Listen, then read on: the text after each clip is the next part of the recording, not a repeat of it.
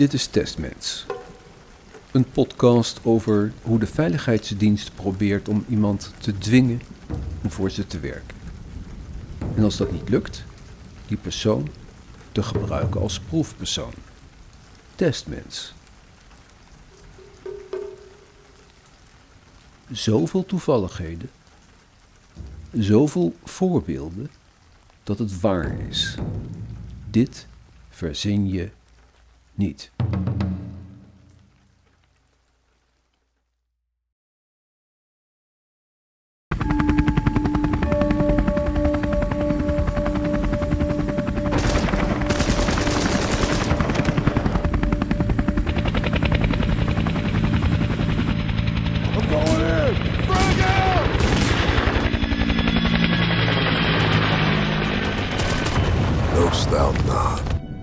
There is but one theme for ever enduring bards, and that is the theme of war. The fortune of battles, the making of perfect soldiers.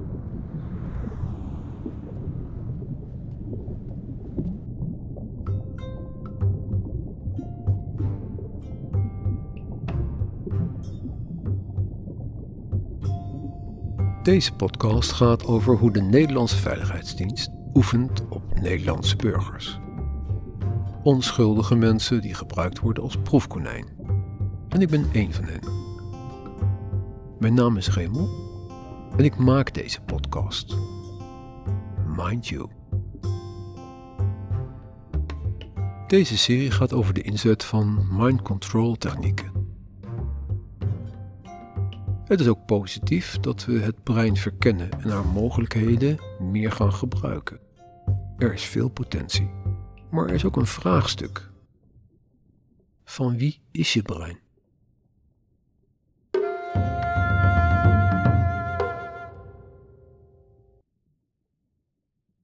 Hedendaagse oorlogen zijn helemaal ingericht op elektronische strijd. Je stoort de tegenpartij en die probeert dat weer af te filteren en jou te storen. Je netwerk lam te leggen, je bankverkeer plat en je stroomcentrale op hol. En als je naast computers ook mensen kan storen, dan is dat een nieuwe stap in het hacktijdperk. En die wapens zijn er en worden ingezet. Als je in staat bent om het brein te optimaliseren voor een bepaalde taak die een soldaat kan gebruiken, heb je wellicht een voordeel op het slagveld. Een soldaat die geen angst kent, geen pijn voelt, niet moe is. Er wordt overigens nu al volop gedaan met drugs en medicijnen. Maar nieuw is de mogelijkheid om de gewenste eigenschappen voor je soldaat of huurmoordenaar met hulp van neurostimulatie te versterken. Dat is de zoektocht naar de supersoldaat. Het controlesysteem dat erg belangrijk is, is een gebiedje net onder de oogzenuw, onderdeel van het limbisch geheugen, hypothalamus. Hier gebeurt heel veel, maar ook de processen die aanzetten tot angst, seks, vluchten of vechten. Huurmoordenaars en scherpschutters worden nu nog getraind met afschuwelijke beelden van slachterijen, jihadfilms en moordpartijen waar ze gedwongen worden om naar te kijken. De ogen worden opengehouden. In het boek De meeste mensen deugen van Rutger Bregman staat een beschrijving. Die harde ervaring dat afstompen van menselijke waarden zou ook met simulated imaging kunnen. Je brein is tenslotte in staat om levensechte beelden in full color te produceren. Tijdens je droom of hallucinatie is dat ook het geval.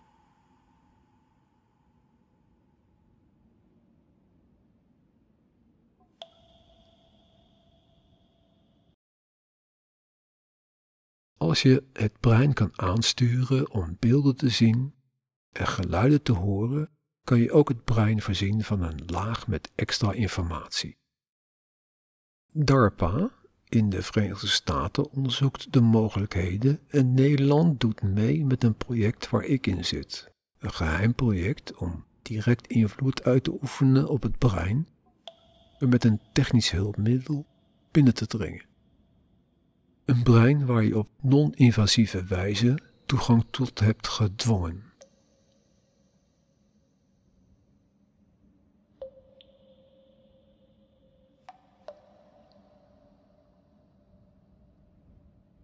Ethiek en moraliteit zijn onderwerpen die benoemd horen te worden bij oorlog en bij de inzet van bijzondere middelen bij burgers. Niet achteraf, maar vooraf en tijdens de inzet van gewelds- en bijzondere middelen moeten proportionaliteit, subsidiariteit en de gerichtheid worden onderzocht. En het resultaat gewogen tegen ethische en morele bezwaren.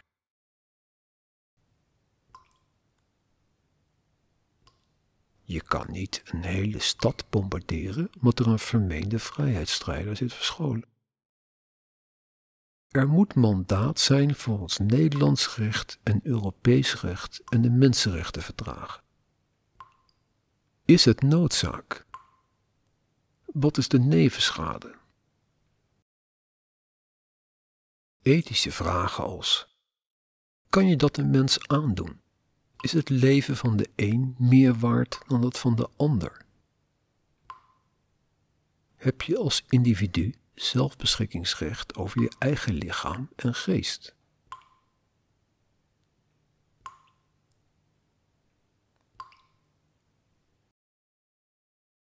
Is een brein een functioneel lichaamsdeel waar de geest in rondwaart of is er een eigen ik?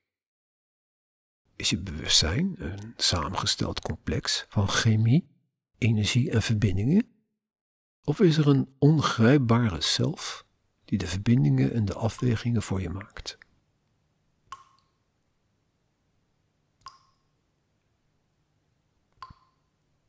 Van wie is je persoonlijkheid en je vermogens op intellectueel en emotioneel gebied?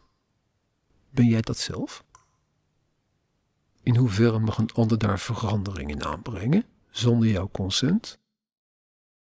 Als je verliefd bent, verander je ook. Heb je het dan zelf gedaan?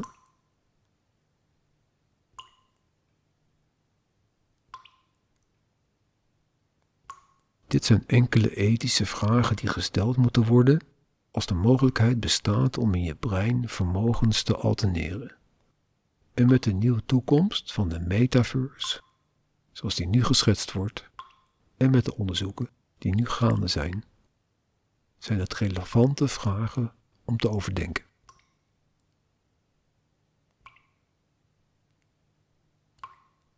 Brein naar brein communicatie. Brein lezen en schrijven en machine besturen met je brein. Van wie is je brein?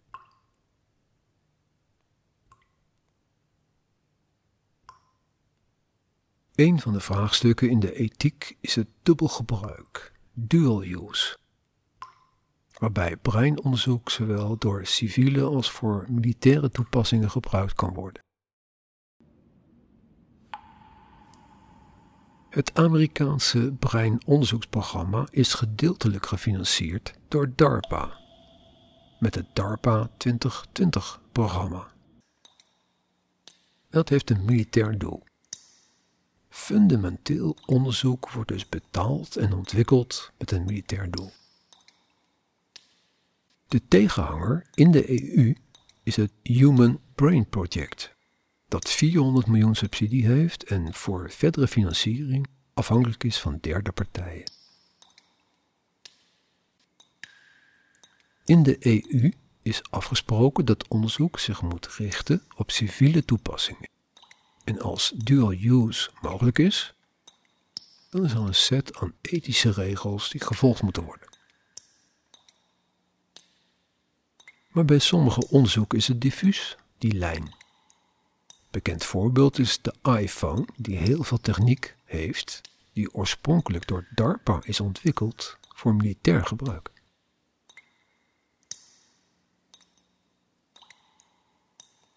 Daarom is er aanvullend een opiniongroep actief in de EU, die aanbevelingen doet en hersenonderzoek op ethische en sociale toepassingen onderzoekt. Zoals de technologie om gedachten en emoties en gedrag te beïnvloeden. Want de ontwikkelingen gaan snel. De lijn tussen burger en militair gebruik is dun. Specifiek worden genoemd de supersoldaat, manipulatie van emoties, algoritmes voor automatische doelherkenning en vernietiging, een informatieverzameling. Zorgen zijn er over neurowetenschap voor deceptie en ondervraging.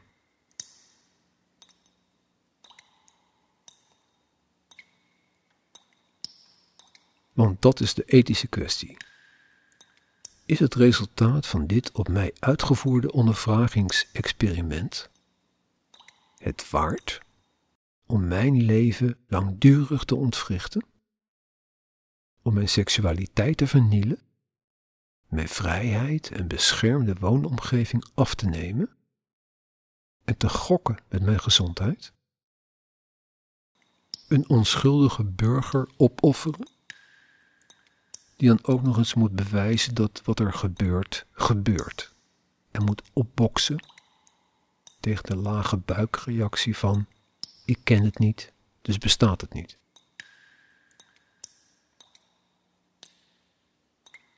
Dat je met een mobiele telefoon live een videostream kan opzetten met een zwervende schapenhouder in Ethiopië dat hield men 60 jaar geleden ook voor volkomen onmogelijk. Je was gek als je dat beweerde.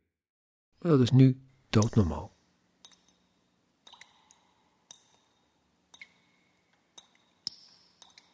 Ethiek is ook toegeven dat je fout zit. Dat je beslissing niet juist was. En desnoods achteraf daar de consequenties van aanvaarden. Zoals vergoeden van schade, excuses en voorkomen van herhaling. En niet pas als de vrije media de misstand aan het licht heeft gebracht.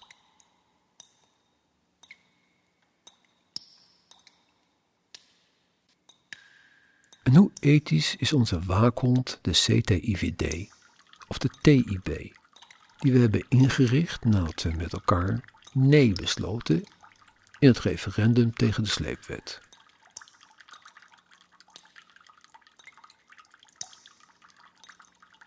Zij controleren de AIVD en MIVD. Bij de CTIVD zit een voormalige rechter die de klachtzaken ziet. En hoe interpreteert zij het binnendringen in het brein? Want in hun conclusie op mijn klacht staat, ik lees letterlijk voor, dat de AIVD geen bijzondere bevoegdheden onrechtmatig tegen klager heeft ingezet. Er staat niet het is niet waar, of het is niet gebeurd wat de klager stelt. Er staat het is niet onrechtmatig. Maar ik weet dat in mij geen terrorist schuilt. Ik ben geen moordenaar. Dus wat heeft die rechtmatigheid veroorzaakt?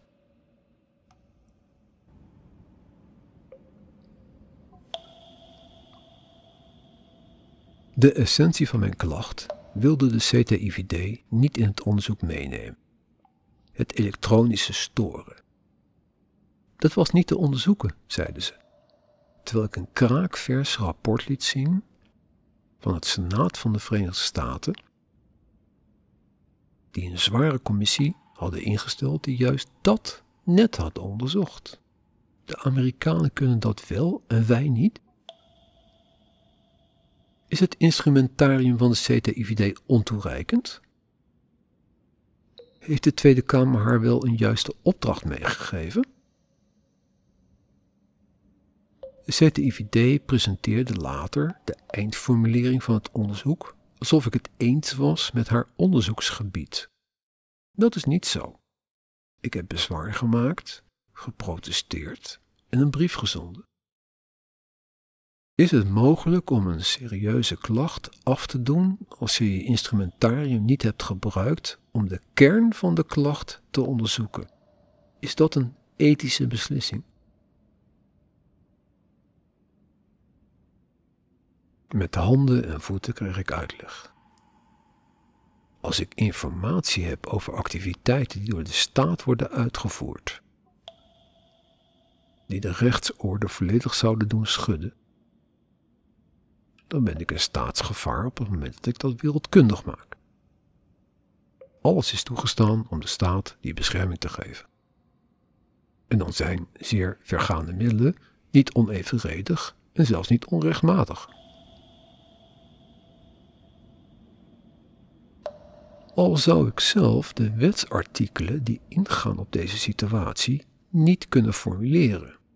Ik ga ze straks even kort langs de WIF 2017, de Nederlandse Grondwet en het VN-Mensenrechtenverdrag. En hoe ethisch is de IVD? In de periode mei 2018 tot november 2019 heeft ze van de 98 gevallen dat ze bijzondere bevoegdheden gebruikt, het in 57 gevallen niet gemeld.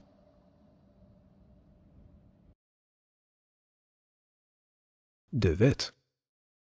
Er moet nagedacht worden en wetgeving ontwikkeld worden rondom het domein van neurotechnologie die in staat is om je brein binnen te dringen. Het kan, het gebeurt en het wordt onderzocht. Maar de veiligheidsdiensten willen de verzamelde kennis eerst gaan gebruiken om terroristen te onderzoeken en te bevragen.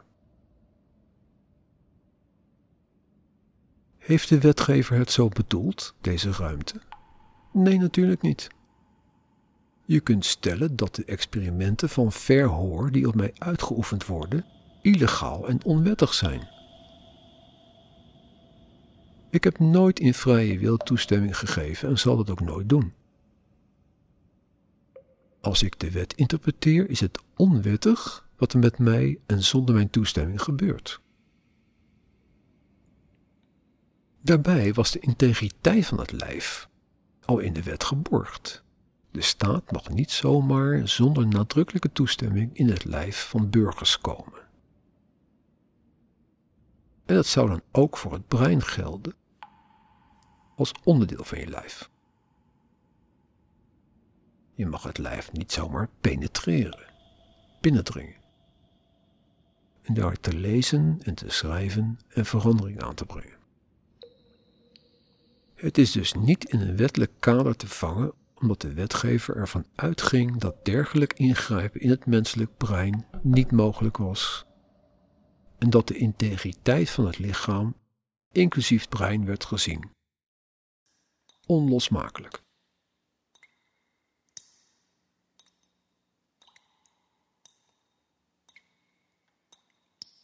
Een mens heeft recht op een veilige thuisplaats heeft recht om niet gemarteld te worden, heeft recht op beschikking over zijn lijf en recht op vrije communicatie.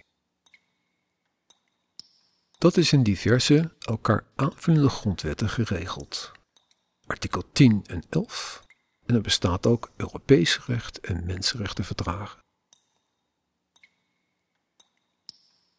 In die wet, WIF 2017, staat ook duidelijk omschreven in welke situaties het de IVD of MIVD toestaat om ingrijpende middelen in te zetten tegen burgers.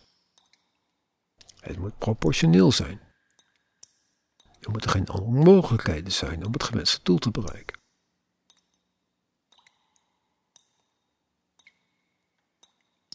Zelfs met zeer creatief toepassen van die randvoorwaarden kan ik bij mij geen grond vinden voor de inzet.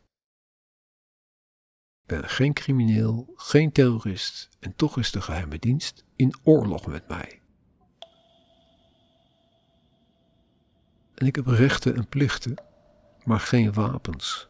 Alleen een pen en een microfoon. Het is vechten tegen de staat.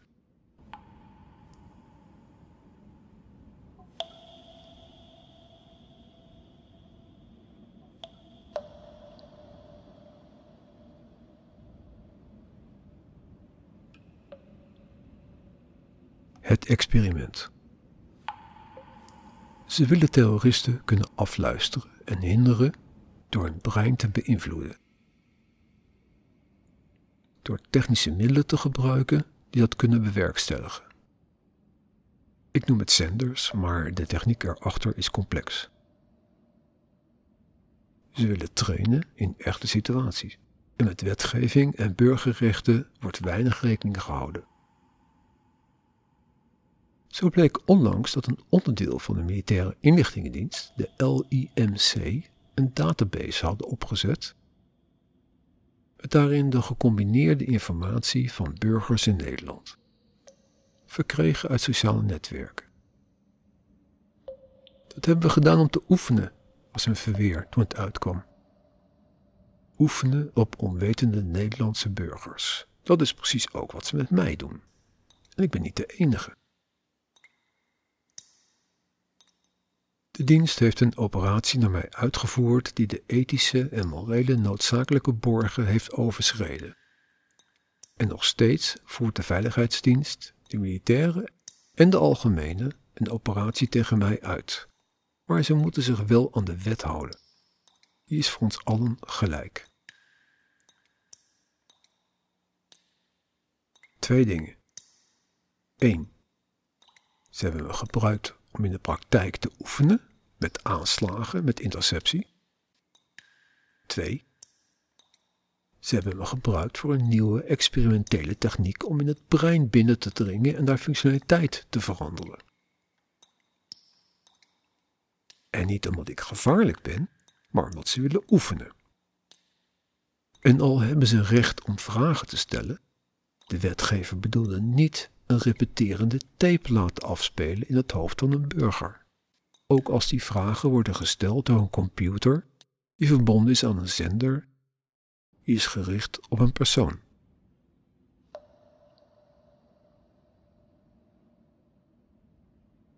Ze willen nieuwe techniek uitproberen en kunnen trainen. Een nieuw onderzoeksgebied, het brein. Daarom vertel ik mijn verhaal, waarbij ik waarschuw voor de uitholling van onze rechtsstaat en democratie. Voor het falen van controlerende instituties en onafhankelijke journalistiek.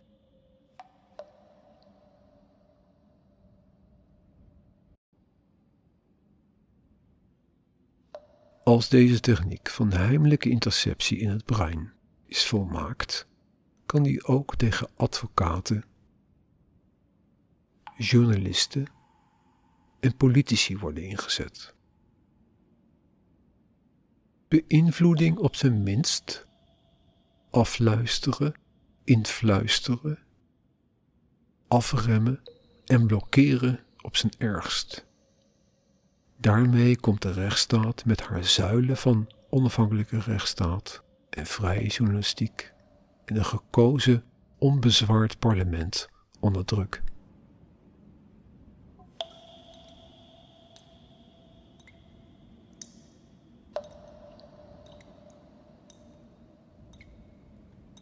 Het is het einde van de westerse vrije democratie zoals we die kennen.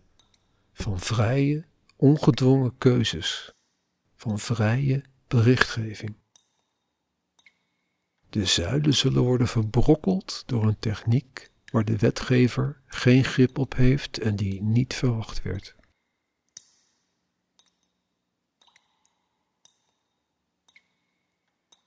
En de controle op ethische, morele en wettelijke kaders moet niet overgelaten worden aan organisaties die profiteren van de lacune in de wet.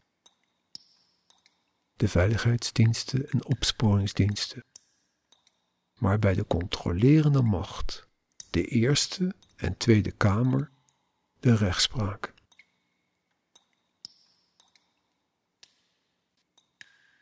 Grote woorden maar nodig, want rechtsbescherming is de grond onder onze voeten.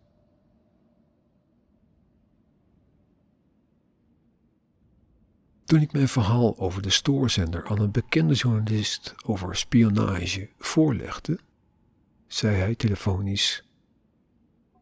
Dat doen ze wel in het buitenland, maar niet hier. Hij heeft ongelijk. Ze doen het juist hier. En hoe komt het eigenlijk dat we hier nog nooit een grote terroristische aanslag hebben gehad? Maar wel in Duitsland, Engeland, Frankrijk, Italië, Spanje, België. Het is oorlog tussen mij en de veiligheidsdienst en ze proberen mij te mollen. Niet omdat ik iets heb misdaan. Ik respecteer de rechtsstaat en haar instituties, maar omdat ik mijn verhaal vertel. Stem. Raymond, je bent een slimme vent. Maar de enige reden dat we je nodig hebben, is om je te gebruiken. Maar ik ben geen konijn. Sorry, ik kan het je niet makkelijker maken in mijn afsluiting. De MIVD en de AIVD oefenen in de praktijk op burgers. Met moderne techniek, satelliet, laser, geluidsgolven en software zijn ze doorgedrongen tot het brein van de mens, waar de mogelijkheden verder worden onderzocht. Indien je een stem in het brein kan laten afspelen op een niveau waarbij de target de beïnvloeding zelf niet meer in de gaten heeft, net als zijn eigen innerlijke stem gaat beschouwen, kan je veel invloed uitoefenen. Het leerproces dat is voortgekomen uit behandeling van schizofrenie is omgekeerd.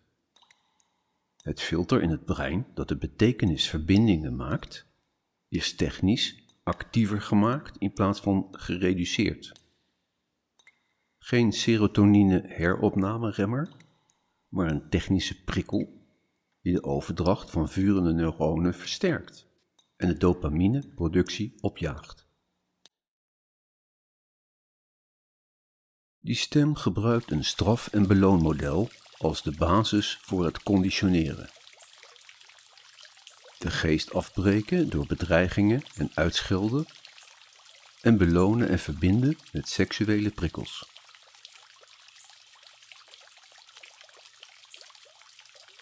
Beïnvloeding, waarbij experimenteel ook geprobeerd wordt een persoon te begrenzen, te beperken, te storen. Om op die manier het leven van die persoon en de uitoefening van zijn beroep moeilijk te maken. Waarbij, naar mijn stellige overtuiging, de toegepaste technieken te kwalificeren zijn als foltering. Een bijzonder Nederlands woord voor marteling.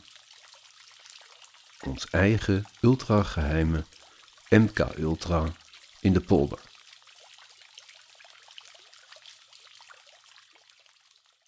Dit was Mind You, de podcast waar je naar luisterde, een serie over mind control en mijn persoonlijke ervaring met de veiligheidsdienst.